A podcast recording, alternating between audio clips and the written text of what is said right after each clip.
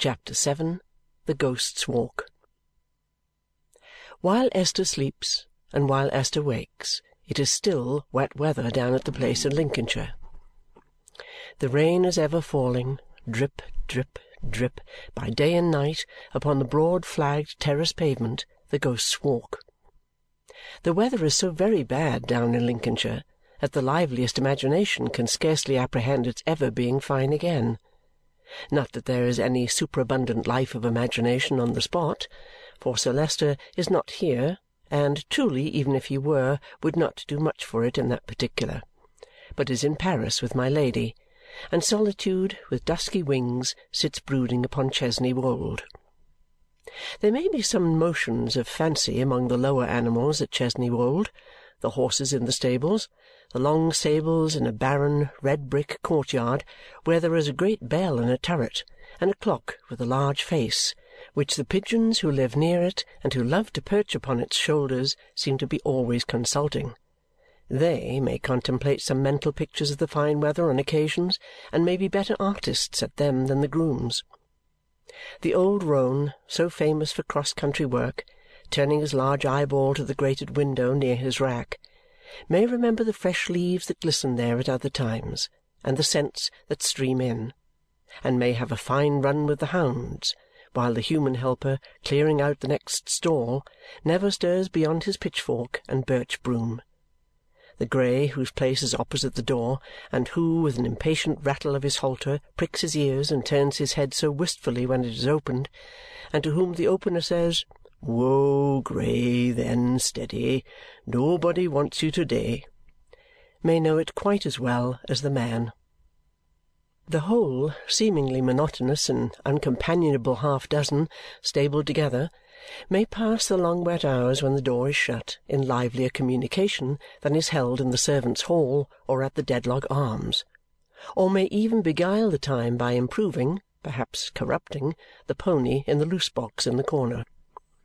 So the mastiff, dozing in his kennel in the courtyard with his large head on his paws, may think of the hot sunshine when the shadows of the stable buildings tire his patience out by changing and leaving him, at one time of the day, no broader refuge than the shadow of his own house, where he sits on end, panting and growling short and very much wanting something to worry besides himself and his chain. So now, half waking and all winking, he may recall the house full of company, the coach-house full of vehicles, the stables full of horses, and the outbuildings full of attendants upon horses, until he is undecided about the present and comes forth to see how it is.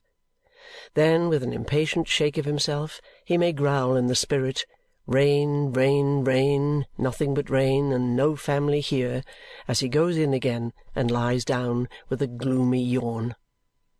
So with the dogs in the kennel buildings across the park, who have their restless fits and whose doleful voices when the wind has been very obstinate have even made it known in the house itself, upstairs, downstairs, and in my Lady's chamber. They may hunt the whole countryside while the raindrops are pattering round their inactivity so the rabbits, with their self-betraying tails, frisking in and out of holes at roots of trees, may be lively with ideas of the breezy days when their ears are blown about or of those seasons of interest when there are sweet young plants to gnaw. The turkey in the poultry-yard, always troubled with a class grievance, probably Christmas, may be reminiscent of that summer morning wrongfully taken from him when he got into the lane among the felled trees where there was a barn and barley the discontented goose who stoops to pass under the old gateway twenty feet high may gabble out, if we only knew it, a waddling preference for weather when the gateway casts its shadow on the ground. Be this as it may, there is not much fancy otherwise stirring at Chesney Wold. If there be a little at any odd moment, it goes, like a little noise in that old echoing place, a long way and usually leads off to ghosts and mystery. It has rained so hard and rained so long down in Lincolnshire that Mrs. Rouncewell, the old housekeeper at Chesney Wold, has several times taken off her spectacles and cleaned them to make certain that the drops were not upon the glasses. Mrs. Rouncewell might have been sufficiently assured by hearing the rain, but that she is rather deaf, which nothing will induce her to believe.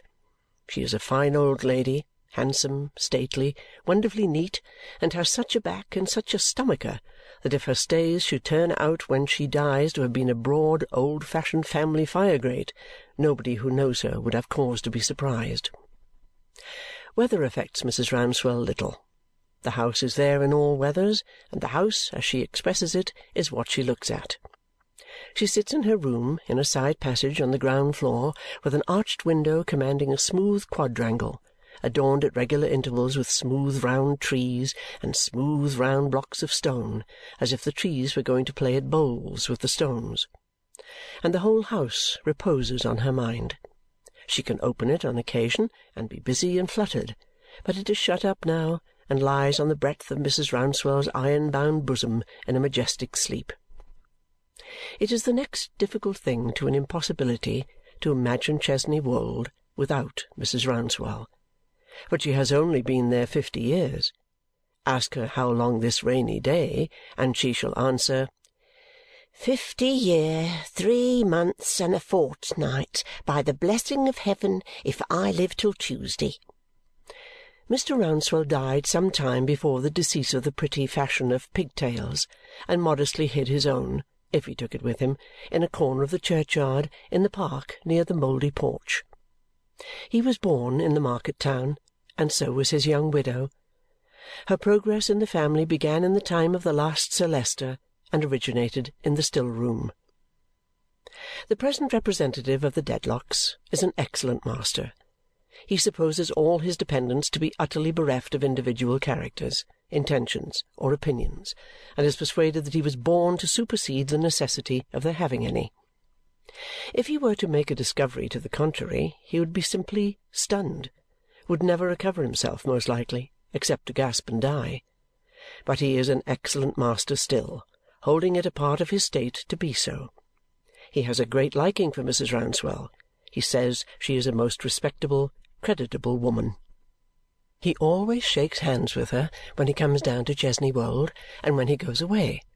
And if he were very ill, or if he were knocked down by accident, or run over, or placed in any situation expressive of a Dedlock at a disadvantage, he would say, if he could speak, Leave me and send Mrs. Rouncewell here, feeling his dignity at such a pass safer with her than with anybody else. Mrs. Rouncewell has known trouble. She has had two sons of whom the younger ran wild and went for a soldier and never came back. Even to this hour Mrs. Rouncewell's calm hands lose their composure when she speaks of him, and unfolding themselves from her stomacher, hover about her in an agitated manner as she says what a likely lad, what a fine lad, what a gay, good-humoured, clever lad he was. Her second son would have been provided for at Chesney Wold and would have been made steward in due season but he took, when he was a schoolboy, to constructing steam-engines out of saucepans and setting birds to draw their own water with the least possible amount of labour, so assisting them with artful contrivance of hydraulic pressure that a thirsty canary had only, in a literal sense, to put his shoulder to the wheel, and the job was done.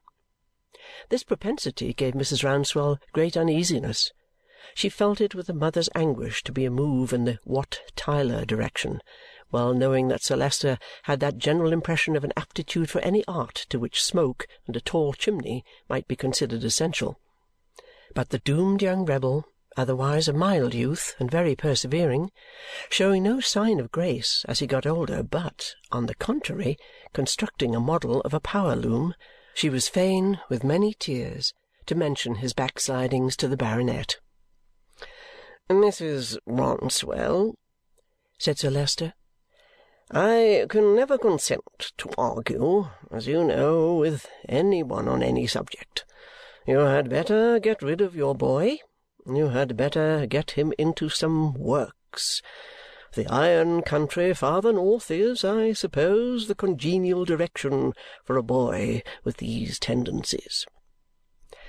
Farther north he went, and farther north he grew up and if Sir Leicester Dedlock ever saw him when he came to Chesney Wold to visit his mother, or ever thought of him afterwards, it is certain that he only regarded him as one of a body of some odd thousand conspirators, swarthy and grim, who were in the habit of turning out by torchlight two or three nights in the week for unlawful purposes.